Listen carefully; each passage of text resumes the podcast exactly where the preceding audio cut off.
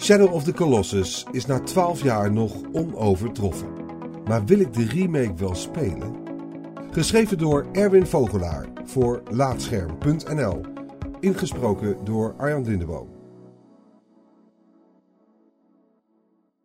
Als je mij vraagt wat mijn favoriete game alle tijden is, dan staat PlayStation 2 game Shadow of the Colossus na 12 jaar nog steeds op de eerste plek. De game is nog altijd uniek, dus de aankomende remake is een uitstekend idee. Mijn reis rond Shadow of the Colossus begon met voorganger Ico. Deze allereerste titel van ontwikkelstudio Team Ico ging over een jochie met horentjes op zijn hoofd dat een kasteel binnenwandelt en daar een meisje in een kooi tegenkomt. Hand in hand proberen ze te ontsnappen in een sprookjesachtig avontuur. Het was de eerste game die mij huilend achterliet. Naast het mooie verhaal viel Ico op door het sfeervolle ontwerp van de wereld, met een heel eigen stijl. Ook de mooie soundtrack bleef nog lang hangen. Die elementen namen de makers mee in hun volgende game. Maanden voordat het oorspronkelijke Shadow of the Colossus uitkwam, kreeg ik de kans om bedenkers Fumito Ueda en Kenji Kaido alvast te interviewen.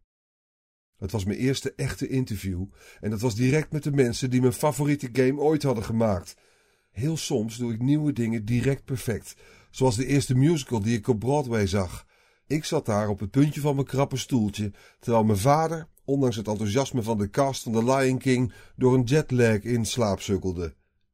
Mijn eigen droom vond plaats in een hotel in Amsterdam in 2005. Daar zaten mijn helden tegenover me.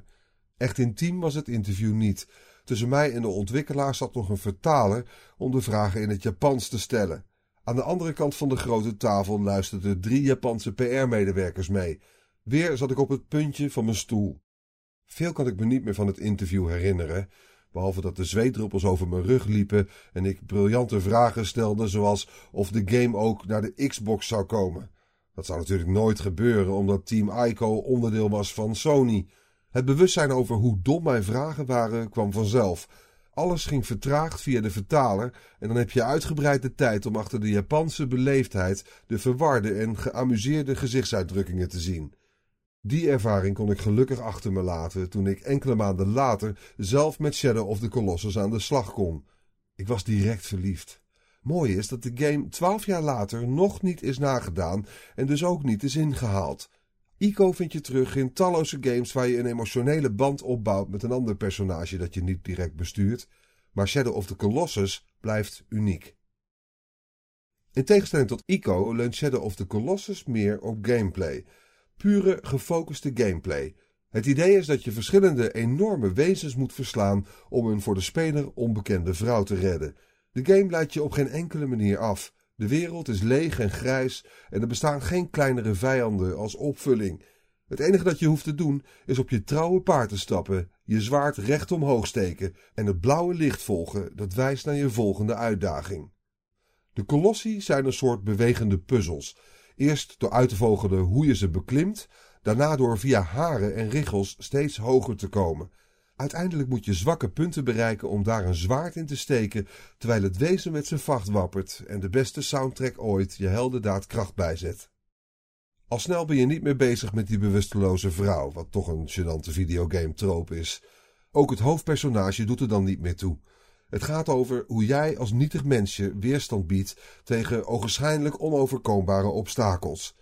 Na het interview en de game heb ik genoeg eigen kolossie verslagen in de vorm van studies, werk, gezondheid en veel betere interviews.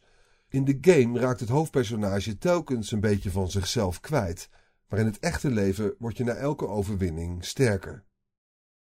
De afgelopen maanden verschenen er trailers van Sony waarin de verschillende versies van de game worden vergeleken.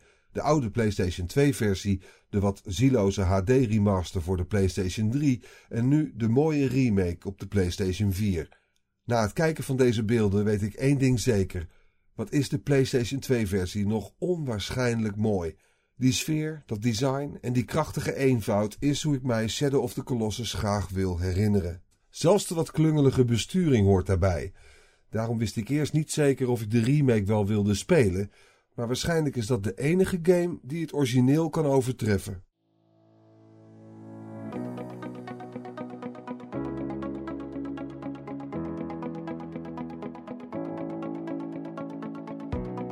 Dankjewel voor het luisteren naar Laatscherm voorgelezen.